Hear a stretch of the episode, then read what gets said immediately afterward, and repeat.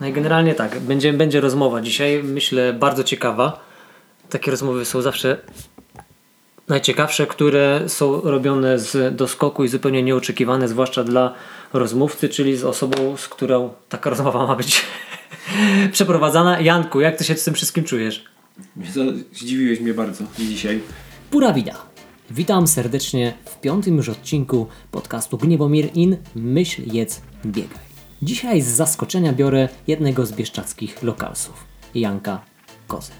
Janek na co dzień żyje i funkcjonuje w Bieszczadach, a z racji tego, że akurat na weekend jechałem w Bieszczady do mamy, to mówię Janku, widzimy się.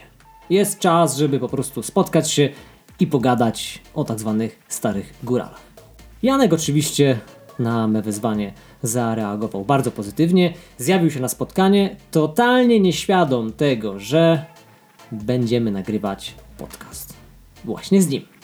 Więc jeśli w głosie Janka da się wyczuć lekkie zdenerwowanie i tremę, to jest to wyłącznie moja wina, ponieważ wziąłem, wsadziłem go za przeproszeniem na podcastową minę.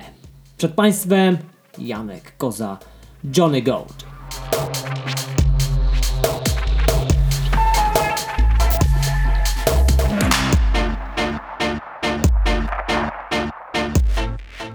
Cześć, aloha, pura vida. Witamy serdecznie z kolejnego odcinka podcastu Gniewomir In Myśl jest biegaj.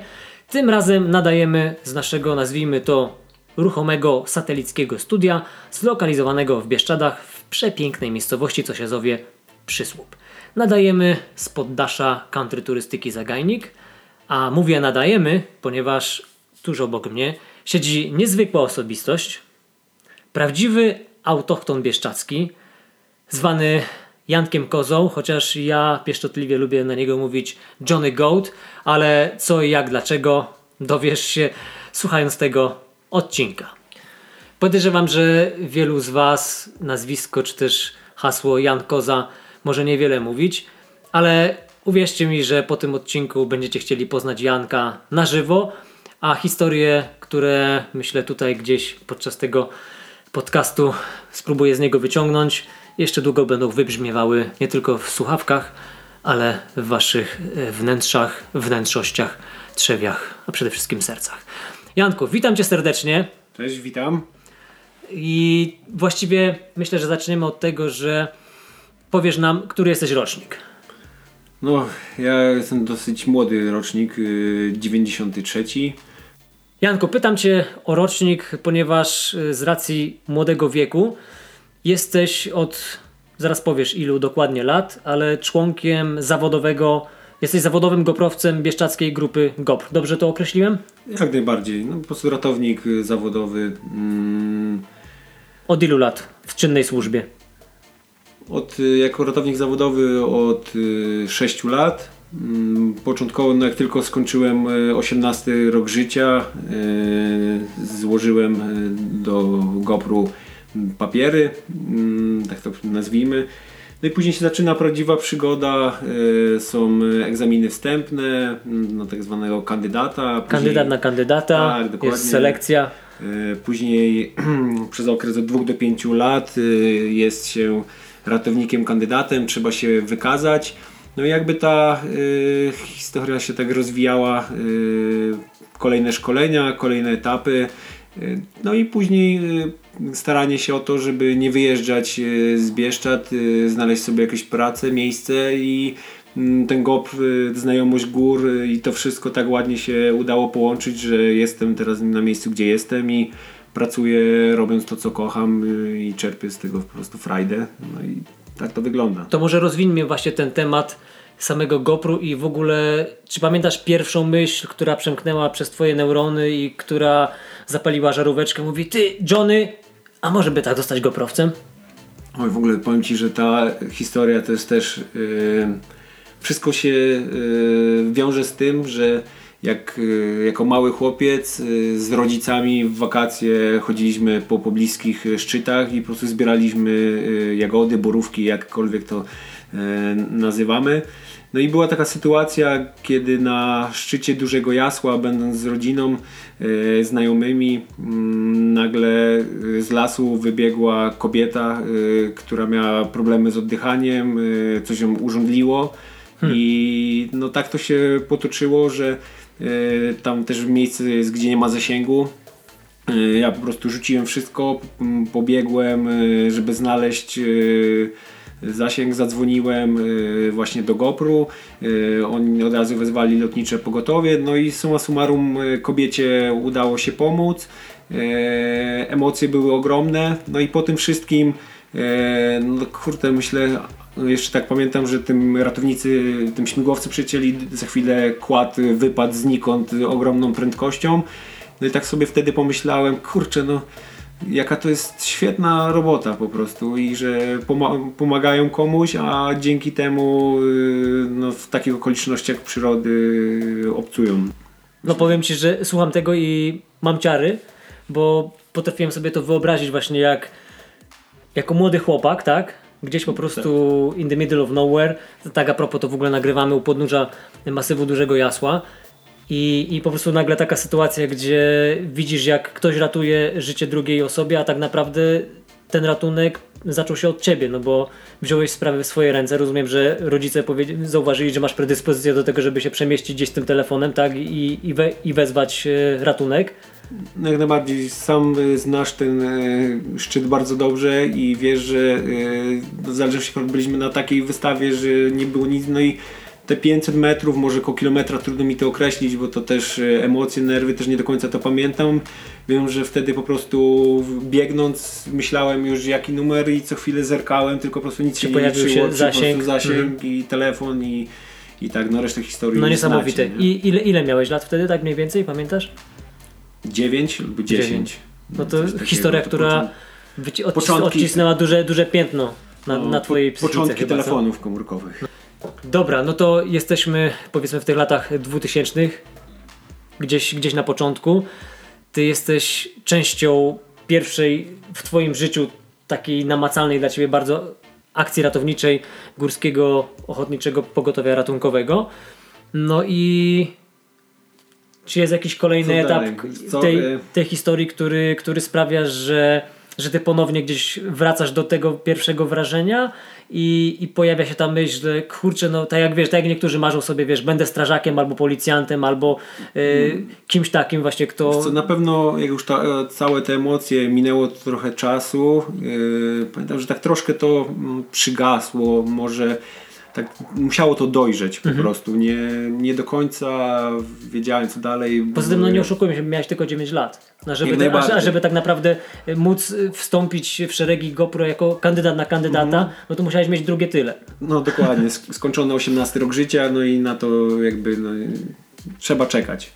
E, pamiętam, że później w szkole mm, zaczęły się różne kursy pierwszej pomocy.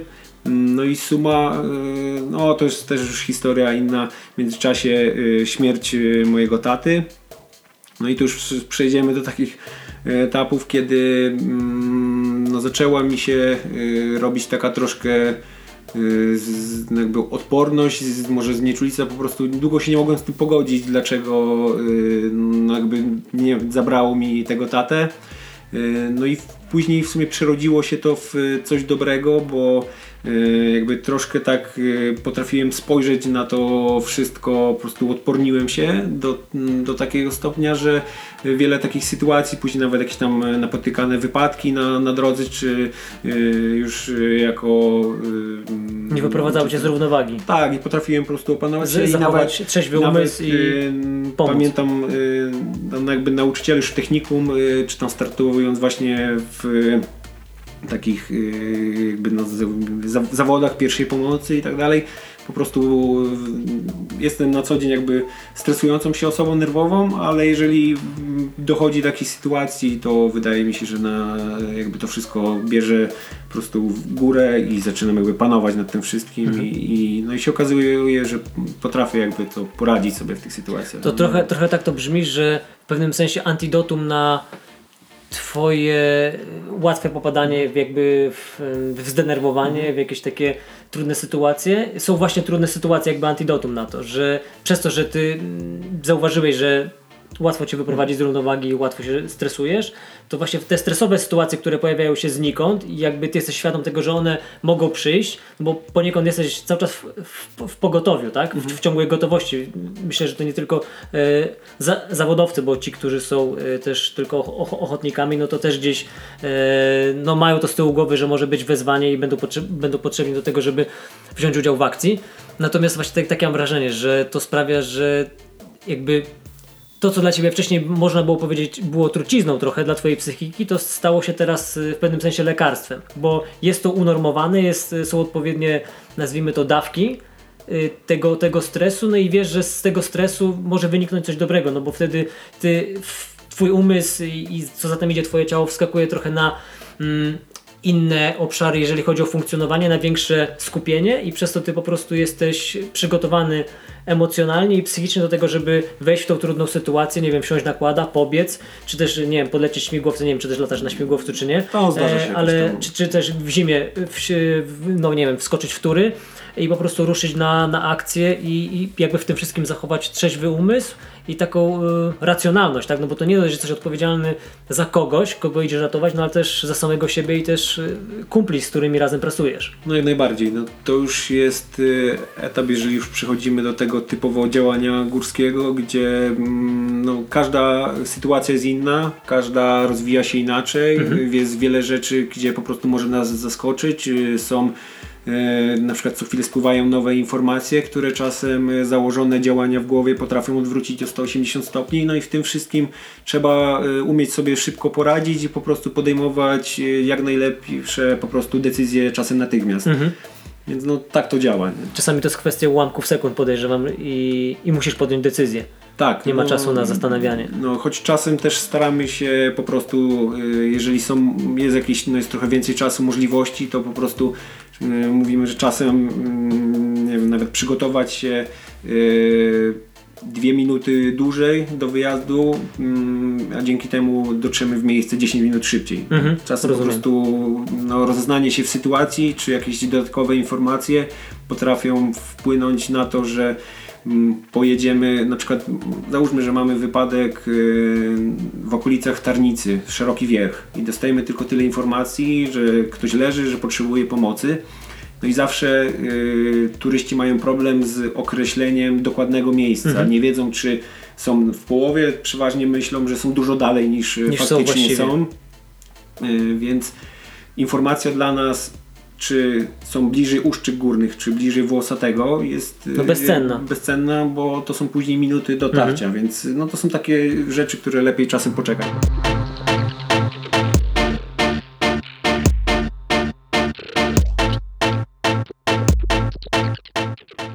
Janku, jeżeli to nie jest tajemnicą, proszę powiedz nam, jak mniej więcej wygląda taki rutynowy dzień, kiedy jesteś na służbie. Mm, słuchajcie, no to mm, dyżury mamy 12-godzinne. Zaczynamy o godzinie 7, kończymy o 19, jeżeli mamy zmianę dzienną lub zmianę nocna, czyli od 19 do 7 rano. Wiadomo, że musimy jakby ciągłość dyżuru zachować yy, przez całą dobę.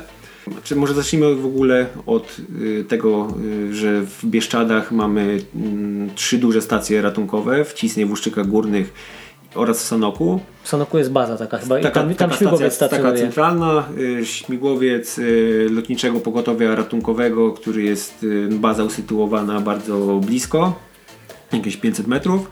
No i to tam jakby całość bardzo dobrze y, współgra, ale wracając do tego takiego dnia dyżurowego, y, zaczynam y, służbę, y, jest tam komunikat pogodowy, przegląd y, sprzętu. Mm, musicie wiedzieć, że mm, w sytuacjach takich właśnie mm, stresowych, czy jak trzeba natychmiast komuś pomagać, nie ma czasu na szukanie po prostu. To wszystko czegoś, musi być na miejscu, więc gotowe do użytku otwieramy, sprawdzamy, czasem sobie po prostu manualnie coś spróbuję, wyjmuję, w, układam po prostu tak, żeby organizm właśnie nawet w tych sytuacjach bardzo stresowych e, był w stanie mechanicznie zadziałać i po prostu wyjąć to, co jest potrzebne. Mm, dodatkowo, no jeżeli to jest lato, to przegląd yy, no, samochodu, yy, czterokosów, czyli kładów, yy, którymi dysponujemy. Zimą kłady są zamienione na skutery śnieżne. Czyli taki należy. ogólny przegląd sprzętu. Jak najbardziej. No, później jest yy, takie jakby powiedzmy ro, rodzinne śniadanie przeważnie. No, na tych dyżurkach przez to, że bywamy tak długo, dużo ratowników jakby przyjeżdża yy, z daleka. Więc czasem yy, kilka dni jesteśmy w tym samym yy, zespole, więc yy, no, jest ogólnie przez specyfikację, specyfikę tej pracy jesteśmy bardzo jakby takim zgranym zespołem. E, Więc dyżury często wyglądają po prostu jak życie w domu. Mm, Mamy kuchnię, funkcjonujemy, na dzień gotujemy wspólnie i jakby no, jakby tak kolokwialnie y, określić, no, czekamy po prostu na, Na zgłoszenie. na zgłoszenie jakieś. y, No właśnie, no to teraz pytanie. Jak często pojawiają się zgłoszenia i teraz czy jest to, no myślę, że na pewno są zróżnicowane względem pół roku, prawda, że pewnie na, najwięcej jest latem. Do, dobrze strzelam, czy niekoniecznie? Tak, jak najbardziej. Y, Latem jest najwięcej wypadków. Wiąże się to z, po prostu ze statystyką czystą, tym, że jest po prostu najwięcej ludzi w górach, więc automatycznie przekłada się to też y, na ilość. Mm, Ale akcje zimowe, mm, jest ich mniej, ale są inne. Y, Po Chyba dużo, mamy dużo trudniejsze dużo chyba dla Was. trudniejsze dla nas logistycznie, mamy dużo mniej czasu. Mm, Przeważnie jak już ktoś y, zimą dzwoni, no to jest bardzo krótka granica, Do- kiedy już jest bardzo źle. Mhm. Mm, No i wtedy po prostu musimy bardzo y, no jakby się sprężyć, a warunki y, zimowe w Bieszczadach, gdzie jest wszystko pozawiewane, y, no wiążą się z tym, że musimy po prostu no dać siebie naprawdę dużo, żeby w jak najszybszym, krótszym y, czasie po prostu dotrzeć i pomóc tym osobom, osobie, no w zależności jak sytuacja się ma. A tak wracając do tych letnich zgłoszeń, powiedzmy, i, i waszych akcji ratunkowych, to nie wiem, czy prowadzisz takie swoje prywatne statystyki, ale ciekawi mnie, z czego one najczęściej wynikają. Czy po prostu z czyjejś nieuwagi, z totalnego takiego, mm, nazwijmy to, bardzo luźnego podejścia do gór, takiego bez, bez respektu do nich, czy po prostu są- to rzeczywiście takie faktyczne wypadki, gdzie e, no, ktoś nogę skręcił, bo coś tam i i to są takie konkrety, czy właśnie większość z tych, z tych y, wypadków mogły, mogłyby się nie wydarzyć, jeżeli ludzie byliby bardziej świadomi i podchodzili do gór z większą pokorą? wiele wypadków, które e, dzieją się latem, e, myślę, że nie miałyby miejsca, gdyby jakby społeczność troszkę jakby dbała o siebie. Przy, Bieszczady przyjeżdża mm, dużo osób, e, tłumy, które po prostu chcą odpocząć, jak każdy na wakacjach e, zresetować się. No i na przykład po takim wieczornym grillu, e, solidnej imprezie, Zakrapianej. zakrapianej oczywiście, następnego dnia, no to ledwo żyjąc, myślę, no to co robimy? No to idziemy w góry, no bo przyjechaliśmy po to no i część ludzi się wybiera. Na gdzie idziemy? Idziemy No. tam, gdzie najwyżej, czyli Tarnica, ewentualnie chatka puchatka. Dokładnie. No i niestety tak Ja to, nie wejdę. tak to wygląda, że yy, no te osoby jeszcze jeżeli na co dzień nie- prowadzą żadnej aktywności fizycznej, yy, są w stanie wyjść na przykład na taką tarnicę czy inny szczyt, ale zmęczenie mięśniowe na powrotach, yy, no po prostu mamy bardzo dużo takich właśnie skręceń, złamań, upadków różnego typu. Mm, Często wiąże się to ze złym obuwiem, e, no a także po prostu nieprzygotowaniem fizycznym, tak jak wspomniałem wcześniej. No i e, ogólnie reguły nie ma. Trudno mi e, jakby tak wiesz powiedzieć, jakbyś zapytał mnie ile wypadków e. W ciągu roku jest to mm, liczba między 350-400 e, tak Akcji. przed- akcji. To tak był 2019 No to sporo, to rok. wychodzi ponad jedna dziennie. Tak, a bywają takie dyżury, że przez cały dzień nie dzieje się nic, yy, a na przykład następnego dnia yy, wyjeżdżam cztery razy.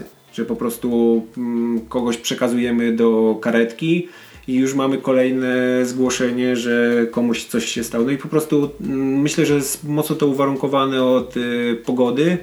mm, warunków, y, zmienności po prostu tego, jak ta pogoda w górach się y, zmienia. A przypomnijmy, potrafi się zmienić czasami w przeciągu 5 minut i tej chwili mamy piękne słońce i bezwieczną pogodę powiedzmy na szczycie dużego jasła, a za 5 minut może być tam śnieżyca. Tak, taka po prostu totalna... I to, I to nie jest moja nadinterpretacja i po prostu hiperbola, tylko tak naprawdę dość, dość często się zdarza. Zresztą nie musimy daleko sięgać pamięcią, bo ile dwa albo trzy dni temu y, tutaj w Przysłupiu i to gdzie y, teraz na wysokości około 600 metrów nad poziomem morza y, normalnie spadł śnieg i leżał przez cały dzień, więc co musiało być wyżej.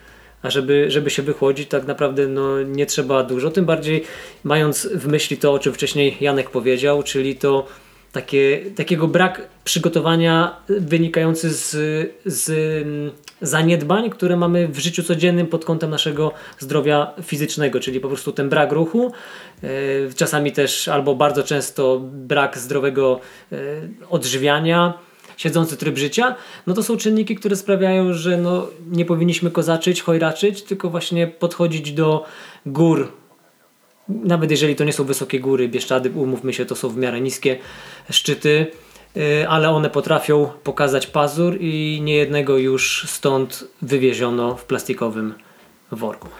No niestety tak to wygląda. Y, Bieszczady, jak to my się śmiejemy z kolegów, że takie pagórki mamy, to nie góry no ale potrafią pokazać czasem pazur. Yy, największym jakby problemem yy, są odległości u nas, yy, gdzie po prostu czasem dla nas transport y, osoby ze złamaną nogą potrafi trwać 3 y, godziny w dolinę i po prostu te odległości y, robią swoje, no, szczególnie gdy ktoś po prostu przegnie troszkę i, i nagle potrzebuje pomocy, a no, wszystko trwa, czasu nie Zdarzają już takie dyżury, że nie wiem, że na przykład 3-4 dni z rzędu nie ma żadnej akcji? Zdarzają się.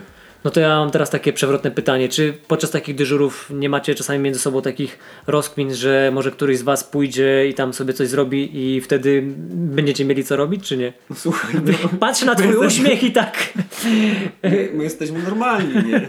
Okay. Więc słuchaj, wiesz, jak człowiek jest szkolony Masz do tego, żeby, żeby coś robić, to no, mimo wszystko zaczyna się, wiesz, już tam krążymy zaczyna się, ja już tak widzę po jak zaczyna się zaglądanie do okien, chodzenie, patrzenie, takie kukanie dziwne, nie wiem, typu, typu jak czasem, nie wiem, podniesienie telefonu i sprawdzenie, czy na pewno jest sygnał, albo no różnego tak. tego typu śmieszne sytuacje, ale no bywają żarty takie, że że nie, nie życzymy nikomu źle, nie, nie chcemy, ale, ale jakaś, mogło, taka, jakaś tam mała nóżka Ale czy mogłoby coś, coś się zdarzyć. Coś, nie? Jakaś pani, która postanowiła wejść, nie wiem, na szczyt dużej rawki w, w szpilkach na przykład. No, Dokładnie. No, kurde, nektar, nie? Nektar. No. Ale żeby nie było, nie umówiliśmy się na to pytanie, to pytanie powstało podczas naszej rozmowy i jak się okazuje przypadkiem dotknąłem czułego punktu, ale nie będziemy go dalej drążyć. Janko, powiedz mi wobec tego teraz jesteś goprowcem, pochodzisz z Bieszczadów. W ogóle powiedz mi, jesteś pierwszym pokoleniem, które urodziło się w Bieszczadach, czy twoi rodzice też tu się urodzili i wychowali? Moja mama jest z Lisznej y, koło Cisnej. Czyli y, też... No, tam się mhm. urodziła, mieszka, więc no jakby jest, No jest stąd. Jest, czy, ty, jest stąd. czy jesteś drugim pokoleniem, czy, czy jej rodzice też gdzieś stąd y, pochodzą? Rodzice też, czyli ja faktycznie trzecim. O, pytam o to, bo ja wiesz, niby też jestem autochton, no ale ja jestem pierwszym pokoleniem, które się tu urodziło i które tak naprawdę stąd się zawinęło. No. Niby niedaleko, no ale jednak tu nie mieszkam, więc, yy, więc fa fajnie, że ty tutaj zostałeś.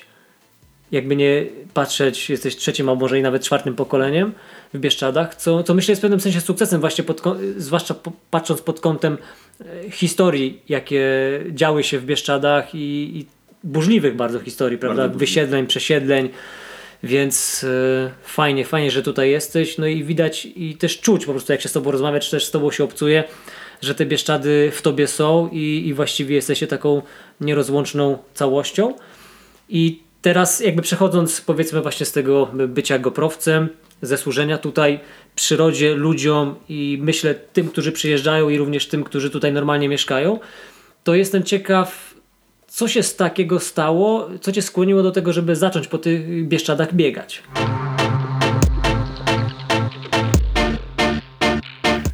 Właściwie to y, słuchając y, Twojego y, pierwszego y, odcinka podcastu, tak zacząłem się zastanawiać, kurczę, a jak to się właściwie zaczęło u mnie?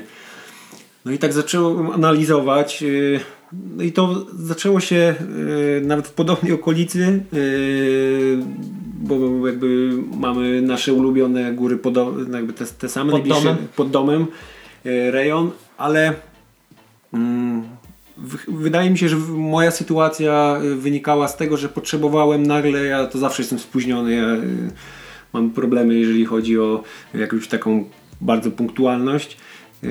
I nagle się okazało, że po prostu muszę być za godzinę w Cisnej, a jestem na szczycie mojego jasła. No i tak sobie. Na, na którym byłeś normalnie jako turysta. Jako turysta, no, tak. I, pieszo. Mhm. Pieszo, pieszo turysta, y, taki Janusz, który nagle okazuje się, że. To tak jak ja pewnie plecaczek, termos z herbatą na 5 Tak, oczywiście, kilometrach. wiesz, No. No i, i tak zacząłem podbiegać z, gó- z górki ten, po, pod górkę. No i tak nagle yy, w połowie drogi zorientowałem się, że kurde, jakie to jest fajne. Po prostu jeszcze tak yy, wszystko mi tam w plecaku latało. Myślę, jeszcze jakby ten plecak gdzieś tak rzucić, zostawić, to może być całkiem fajne. No i tak po tym jak dotarłem do, do Cisnej, yy, kurde, myślę, no je, ma to potencjał i e, no w sumie tak zacząłem powoli coś tam sobie biegać. Nigdy na przykład nie cierpiałem asfaltu. Jakieś płaskie fragmenty czy coś to po prostu nie, to nie, nie istnieje. Po prostu wyjście w góry, zbiegi i po prostu zbiegi na, na przepadło. y, czym szybciej, tym lepiej. I to z tego była jakby największa radocha. Nigdy tam wiesz, nie, nie myślałem o jakichś startach czy, czy nie wybiegając po prostu. Super. Czyli taki naturalny pociąg do najbardziej chyba naturalnej formy ruchu jaką, ruchu, jaką jest bieganie. Do tego jeszcze w takich okolicznościach na naturalnym podłożu, nie na jakimś asfalcie, betonie, tylko No. dzida do góry i później jeszcze większa frajda goniąc na łeb na szyję w dół. Dokładnie. I nagle się okazało, że potrafi e, po prostu coś, co wcześniej zajmowało 3 godziny, teraz zajmuje godzinę z groszem i po prostu jest e, bana na twarzy. Tak. I wcale nie jesteś jakoś bardziej zmęczony. A ja bym powiedział, że nawet jeszcze bardziej doenergetyzowany niż jakbyś miał to po prostu mulić przez 3 godziny. Oczywiście z całym szacunkiem dla tych wszystkich, którzy po górach chodzą, ale ja, ja, ja to doskonale rozumiem, bo no dla mnie od kiedy zacząłem biegać i odkryłem to bieganie, no po prostu chodzenie po górach jest nudne. No ja Masz coś takiego? Chodzę sporo turystycznie z plecakiem i mam e, czasem takie sytuacje, że po prostu nie jestem w stanie e, psychicznie sobie z tym poradzić. Jeżeli jeszcze mm, mam jakąś tam grupę, która po prostu widzę, że dla Bo jesteś też przewodnikiem, tak? Bieszczackim. tak, tak, jak najbardziej. Więc gdybyście potrzebowali super przewodnika, to odsyłam do Janka Kozy. No, i słuchajcie, no ogólnie to w momencie, kiedy podchodzimy pod y, jakiś szczyt i widzę po mojej grupie, że po prostu z nich się leje i ciężko nawet y, wycisnąć jakieś komunikatywne zdanie z nich Nie wiesz, czy nie wzywać GoPro. i po prostu ja zaczynam, zastanawiam się, czy z plecaka wyjąć tą bluzę już, czy na przykład za 100 metrów, bo zaczynam marznąć. No. I no, to są takie zabawne sytuacje. Y, Czasem po prostu przez to, że tak szybko się y, na co dzień przemieszczam po tych górach prywatnie, ciężko jest to wszystko połączyć. Trzeba cały czas się kontrolować. y, Pocz- Początki moje, jeżeli chodzi o oprowadzanie grup, były takie, że potrafiłem sobie załadować plecak 25-30 kg, żeby po prostu nie pędzić za szybko. Żeby się bo- spowolnić. Żeby się spowolnić. Nie, nie traktować to jako trening. To też są zabawne takie sytuacje. Nie? Oj, Żeby nie jest- zajechać swojej grupy. No tak. No bo to Wiesz, mo- uczą, uczą y, na kursach przewodnickich, że ma być cały czas kontakt z grupą, że powinieneś dostosować tempo do ostatniej osoby. Ale w życiu to tak wygląda, że czasem człowiek jeszcze młody to gdzieś się tak troszkę zapędzi No i tak. nagle pani Grażyna z końca Panie Janku! tak to mniej więcej wygląda. Ale z drugiej strony powiem Ci, że to też jest pomysł na te dni, kiedy macie luz. Jeżeli właśnie macie w grupie kogoś, kto też jest przewodnikiem, mówi, ty słuchaj, weź jakąś grupkę i weź się tak dobrze przecioraj, żeby, żeby wezwali GoPro. Powiem Ci, że nigdy o ten sposób nie A pomyślałem. widzisz? Widzisz? Pom- A widzisz? pomysłowy.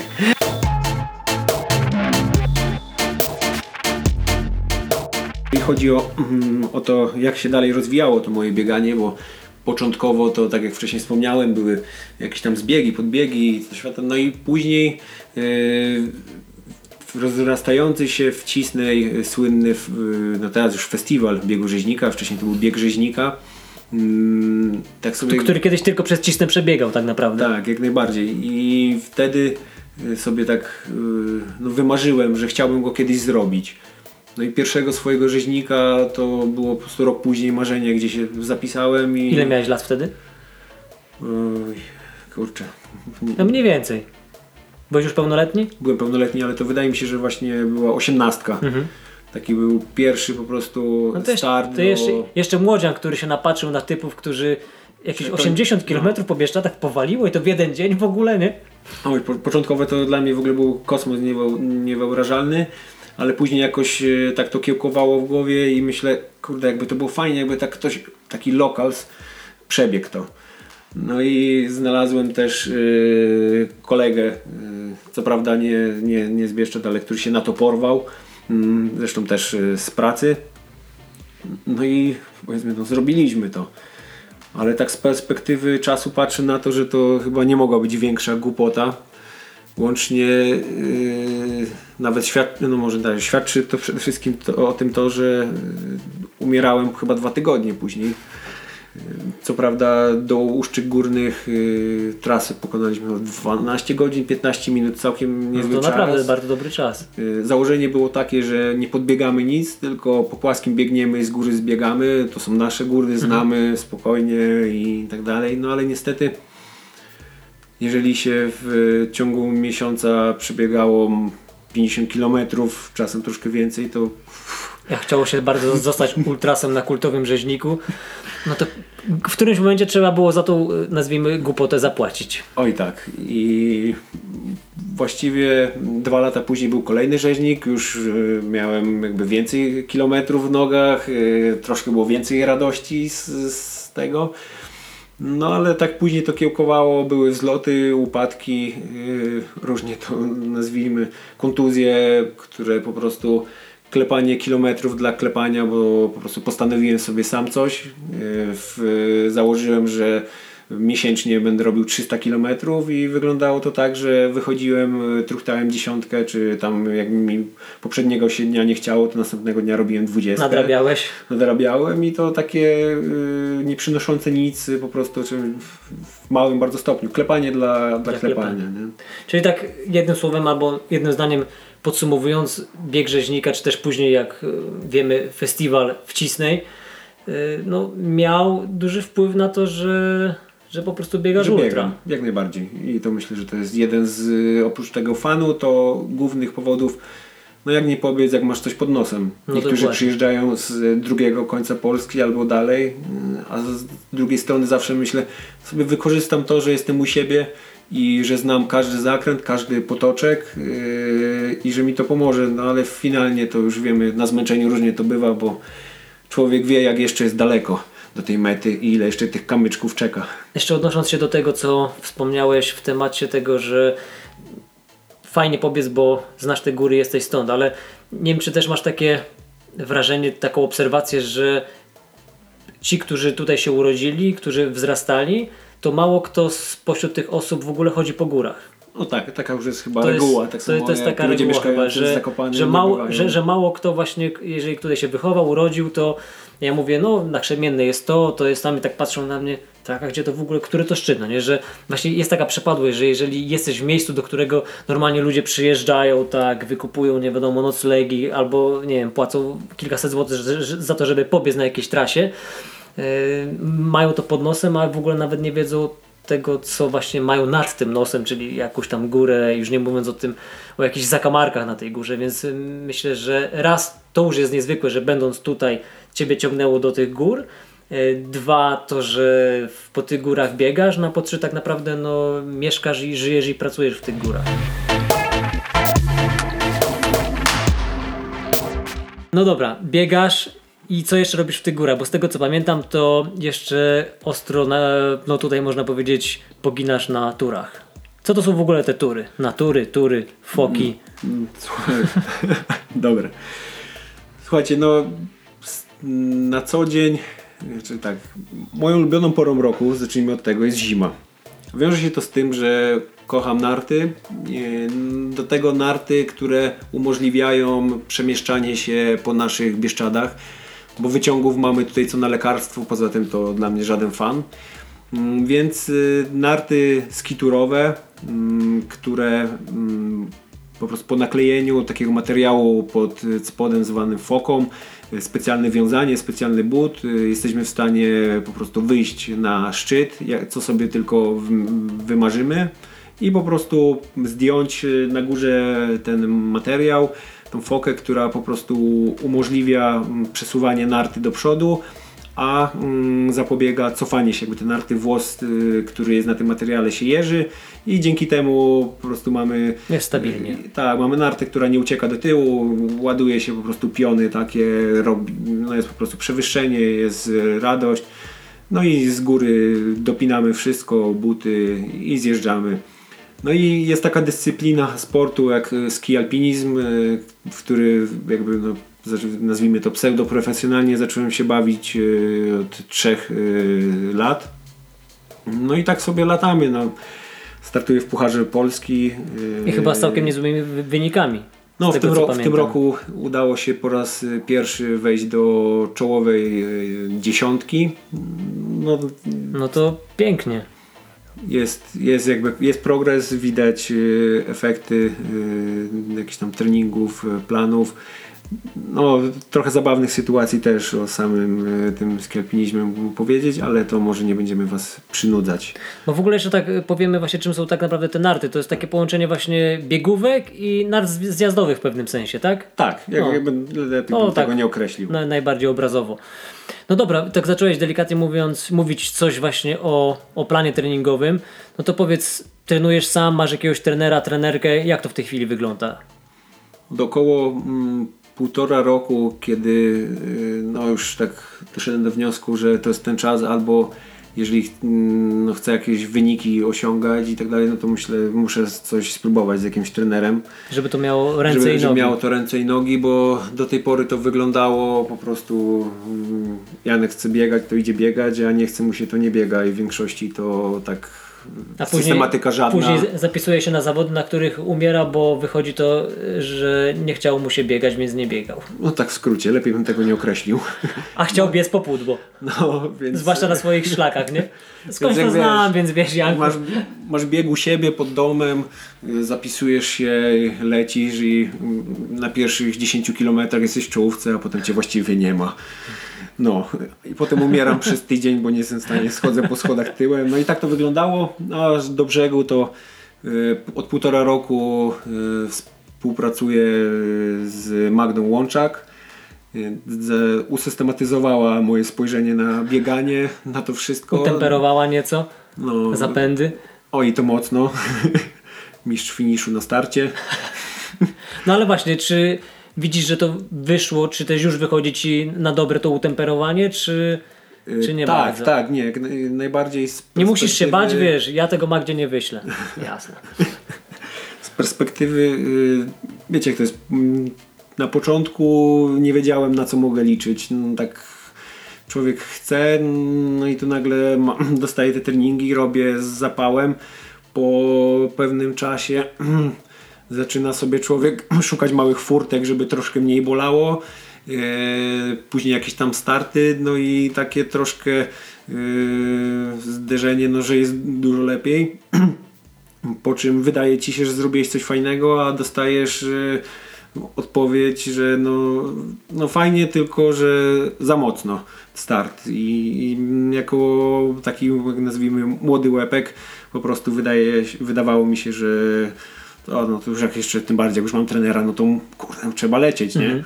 Żeby wstydu nie było. No i no i to przygód jest y, cała masa, ale y, z perspektywy mm, no naprawdę jakby współgranie, żeby w tym wszystkim trenować, czy żeby trenować, a też y, nie zatracić jakby fanu z tego wszystkiego. No to, to nie jest, jest łatwa sprawa. Nie jest łatwa sprawa, ale no jakby staram się to, to łączyć no i myślę, że z perspektywy jest dobrze. No. Ale mi się też tak wydaje, ponieważ no też tak się jakoś składa, że jestem zawodnikiem Magdy, że z jej podejściem to właśnie my mamy większą szansę na to, że jeżeli przyjdzie jakieś wypalenie związane z bieganiem, to przyjdzie kiedyś, kiedyś tam hen, hen za kilkanaście lat, mm, a nie, że po prostu, nie wiem, po sezonie my zawiesimy buty na przysłowiowym kołku i powiemy, kurde, no nie, no już mi się nie chce biegać, więc fajne jest to właśnie temperowanie, zwłaszcza kiedy ty jesteś młody i, i tak naprawdę ty już byś teścią, nie, inspirowany, nie wiem, kimś, nie wiem, Kilianem, Krupiczką albo kimkolwiek innym, że teraz ja lecę 100 mil albo nie wiadomo co, najlepiej w trupa od początku, gdzie no, w wieku 27 lat, jak masz teraz, no nie do końca jest to wskazane. Tak naprawdę, jak, no właśnie to jest też kwestia podejścia do biegania tego, czego y, my oczekujemy wobec siebie w kontekście y, samego biegania, trenowania i też y, wyników, jakie możemy osiągać na zawodach. Ja pamiętam, jak kiedyś Magda się mnie zapytała, no dobra, jaki jest Twój cel? Ja powiedziałem, no taki i taki. Ona mówi, wiesz, że nam zajmie to 5 lat? No i teraz, wiesz, jak ktoś usłyszy liczbę 5, 5 lat, 5 sezonów, wiesz, ostrego trenowania, że z, z, szansą, z nadzieją na to, że dojdziemy do jakiegoś tam marzenia, które sobie wtedy założyłem, no to jest szmat czasu, tak? A, my, a, a my byśmy wszyscy chcieli tak naprawdę, albo większość z nas, tak zwany efekt instant tu i teraz, że najlepiej, dobra, już mam trenera, to już w ogóle jest plus 50 do zajebistości. Yy, będę robił co drugi trening, no to jest kolejny plus 30. No i wiesz, idzie, jedziesz na te zawody, no i koniec końców yy, kończysz je sfrustrowany, poirytowany i, i nie masz tego, po co tak naprawdę wzięły, wziąłeś bądź wzięłaś yy, trenera, tak? No a takie od czasu do czasu od trenera pstryczki w noc, w noc takie hola hola troszkę ten mnie naprawdę no jakby systematyzują. No, żeby daleko nie sięgać, taki pstryczek to mieliśmy nawet chyba dzisiaj, czy też y, wczoraj. Yy, ponieważ z racji tego, że no wiedziałem, że jadę w Bieszczady, mówię Janek, no to słuchaj, no może byśmy sobie pobiegali, nie? No ale że w planie miałem dzisiaj właśnie wycieczkę biegową, tam 20 plus e, kilometrów, no i mówię, Janek mówi, no pewnie, że tak, po czym nie wiem, ty zadzwoniłeś do Magdy i powiedziałeś, że jest taka sytuacja, że, że chcesz ze mną pobiegać, no i Magda powiedziała, że nie, po prostu jesteś teraz w takim, a takim mikrocyklu, yy, masz nie wiem, jakiś konkretny plan i tak dalej. Poza tym jesteście trochę chłopaki na innych w teraz poziomach, jeżeli chodzi o trening i nie. No i tak. I uszanowaliśmy to.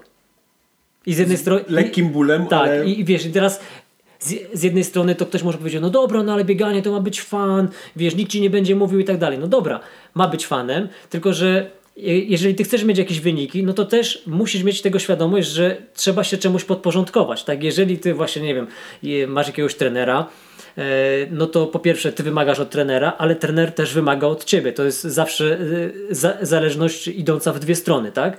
I teraz gdybyśmy podeszli do tego na takim, a niech se Magda tam gada co se gada, my i tak sobie zrobimy co sobie wymyślimy, najwyżej nie, nie wpiszemy tego później w dzień. co innego. Tak, dokładnie, ale po pierwsze ja bym się z tym bardzo źle czuł e, od takiej strony moralnej, bo wiedziałbym, że po prostu ją oszukaliśmy, e, i wiem, że koniec końców nie wyszłoby to dla nas na dobre, ponieważ tak, no ona siedzi, rozpisuje te plany, każdy ma te plany inaczej rozstawione, tak? No nie wiem, ty dzisiaj miałeś taką jednostkę, którą ja miałem, nie dwa albo trzy dni wcześniej i to też ona się różniła intensywnością i tak dalej i, i, i zakresem, więc jest totalna indywidualizacja tego treningu i, i w momencie, gdybyśmy to zlekceważyli, no to po pierwsze właśnie lekceważymy ją jako trenera, czyli autorytet y, i bardziej świadomie bądź mniej obniżamy jej autorytet y, w, w naszych oczach, co nie jest nigdy dobre właśnie w takich relacjach, a po drugie no, rozwalamy jakiś plan, który, nad którym ona dla nas siedziała, tak? Więc... Tak jak wspomniałeś, to nie jest plan przeważnie na na, na tydzień do przodu, do przodu czy tam, czy tak. Tylko to długofalowy, tak. który ma finalnie do czegoś doprowadzić. Tak. I dlatego właśnie, jeżeli ktoś by mi powiedział, że, znaczy zapytał mnie, czy ja się nie męczę właśnie biegając z takim planem i tak dalej. Ja bym powiedział właśnie, że nie, że właśnie ja wtedy mam tak naprawdę największy fan z tego biegania, bo jest jakaś systematyzacja, wiem co mam zrobić, wiem, że ta robota jest pod konkretny jakiś większy cel i no i dzięki temu właśnie mogę skupić się na tych małych krokach, dawać z siebie tyle, ile mam na nich dawać, żeby później to przysłowiową yy, Tomasza Hajty, truskawkę na torcie, e, no po prostu się do niej gdzieś tam e, dobrać, tak? Więc e, tak, tak ja to widzę. Nie wiem, jak czy ty podobnie? Jak najbardziej.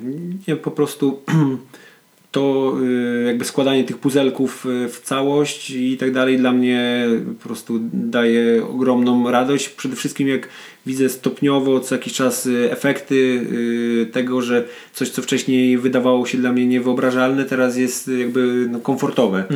Mm, No i też to co, o czym wspomniałeś, nie muszę zastanawiać się co, co będę robił tak jak y, sam sobie jakoś tam próbowałem taki plan zrobić, tylko po prostu dostaję informacje, teraz robimy to i ewentualnie mogę sobie w, w głowie ułożyć teren, gdzie to zrobię Tak. i gdzie w danej chwili jestem. I to jest po prostu najbardziej komfortowa sytuacja, jaką No to sobie widzę, można mamy, wyobrazić. mamy dokładnie to samo, bo mi to tak po prostu ułatwia życie i wiesz, ja, ja, ja nie muszę wiedzieć po co jest konkretnie ta jednostka. Ja mogę dociekać po to, wiesz, żeby wiedzieć i zaspokoić jakąś tam swoją ciekawość, ale nie muszę rozkminiać właśnie, wiesz, co dzisiaj mam zrobić, czy jak zrobię to, to później będzie miało to przełożenie na to, czy na tamto, albo na coś jeszcze innego, więc tak naprawdę to pozorne ograniczenie daje mi osobiście dużo wolności.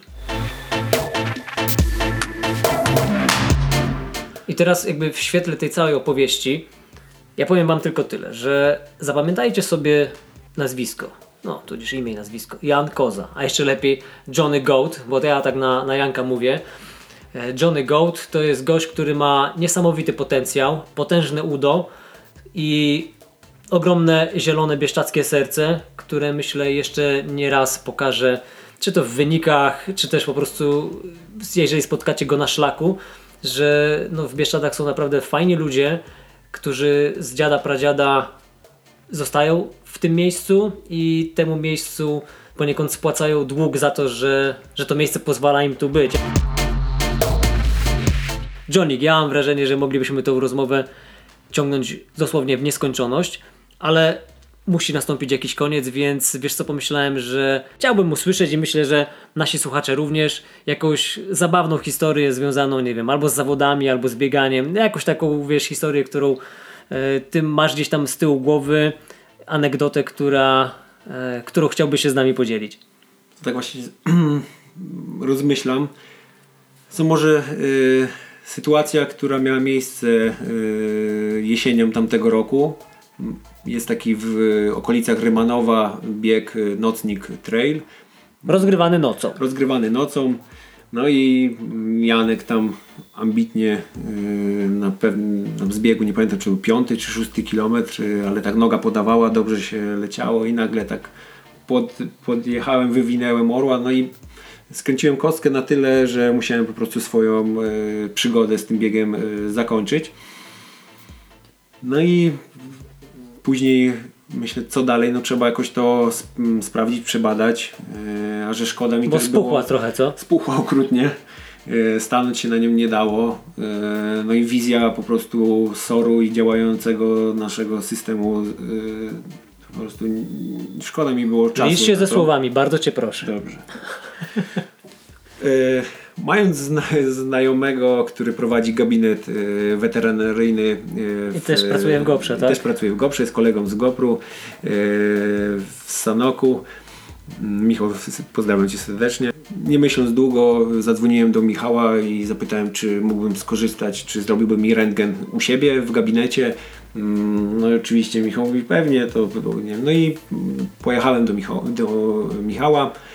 Zrobiliśmy y, rentgen, y, no, że gabinet y, weterynaryjny to właściwie koza też się zgadza. No i dostałem to zdjęcie na płytce. Nie wiem, czy wiecie, ale w gabinetach po prostu weterynaryjnych mają takie w większości fajne płytki. No i był właściciel koza, zwierzę koza, tak mi ładnie podpisał.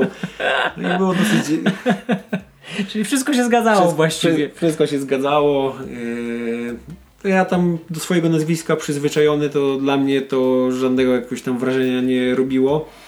Yy, No ale wiadomo, że trzeba jakoś sp- dokładnie yy, sprawdzić co tam w tej nodze, więc umówiłem się jak najszybciej do fizjoterapeuty.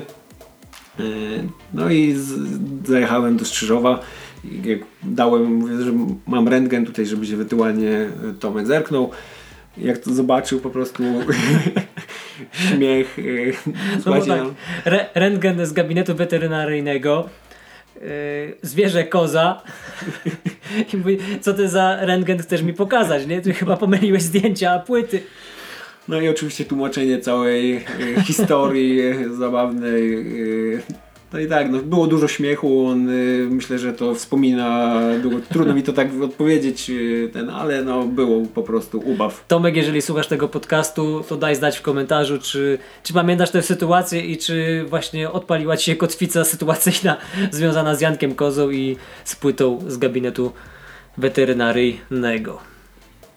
No dobra, Janku, ja Tobie serdecznie dziękuję za czas, który poświęciłeś na tą rozmowę, za to, że podzieliłeś się z nami no, częścią siebie.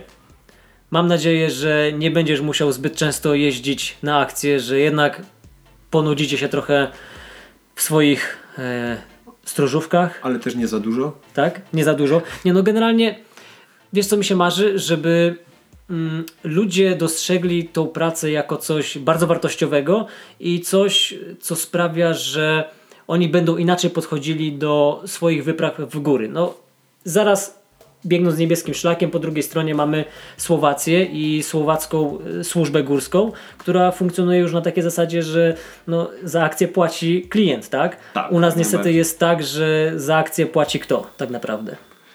No, Państwo? Państwo płaci. No czyli tak naprawdę każdy jeden Jesteśmy, podatnik, no no. wszyscy, wszyscy składamy się na, na taką akcję, natomiast gdyby podejrzewam było to ro, rozegrane tak jak to jest na Słowacji, czyli każda akcja jest płatna, ludzie mieliby trochę inną świadomość i inną, inne podejście do tego, jak się przygotować do wyjścia w góry i jak w tych górach egzystować. Myślę, że poniekąd masz rację. Wiadomo, że Polska jest o tyle krajem, że trudno jakby finalnie jakby to wyglądało. Jeżeli miało być to dużo mądrzejsze, to, to na pewno jestem za. Ale przede wszystkim widzę po znajomych czy po sobie, jak wybieram się na z- Słowację, w Tatry y, czy gdziekolwiek, to człowiek y, pierwsze co sprawdza to ubezpieczenie i zastanawia się po prostu i szykuje się lepiej, więc jeżeli faktycznie mogło to by mieć właśnie wpływ taki, że ludzie troszkę może tak nie sialalala, tylko przygotowaliby się do, do Ale tak wciąż mi się wydaje, że tak naprawdę podstawa to jest edukacja. Edukacja, ale na takiej platformie nie zastraszania, tylko takiej po prostu pokazywania pozytywów tego, że im lepiej pójdziesz przygotowany, przygotowana w górę, w góry, tym y, mniejszym będziesz y, problemem właśnie dla ewentualnej akcji ratunkowej, e, no i dla samej przyrody jako takiej, tak? No i jakby w tym wszystko się zawiera. W, po prostu w podejściu mm, do edukacji i tego, jak ta edukacja i o czym ta edukacja miałaby traktować właśnie w kontekście góry. Ale to myślę jest temat na, na osobną rozmowę, więc y, nie będziemy przedłużać. Raz jeszcze Janku, serdecznie Tobie dziękuję. Trzymajcie się serdecznie, dzięki bardzo. I to byłoby na tyle. Kolejna rozmowa za nami. Ciekawa, a nawet bardzo ciekawa osoba w postaci Janka Kozy, który nie tylko nie wyjechał, nie uciekł z Bieszczadów, ale co więcej, związał się z nimi na dobre, żyjąc tu, pełniąc służbę jako goprowiec, bieszczadzki przewodnik oraz po prostu fajnie zakręcony, pozytywny człowiek ultras.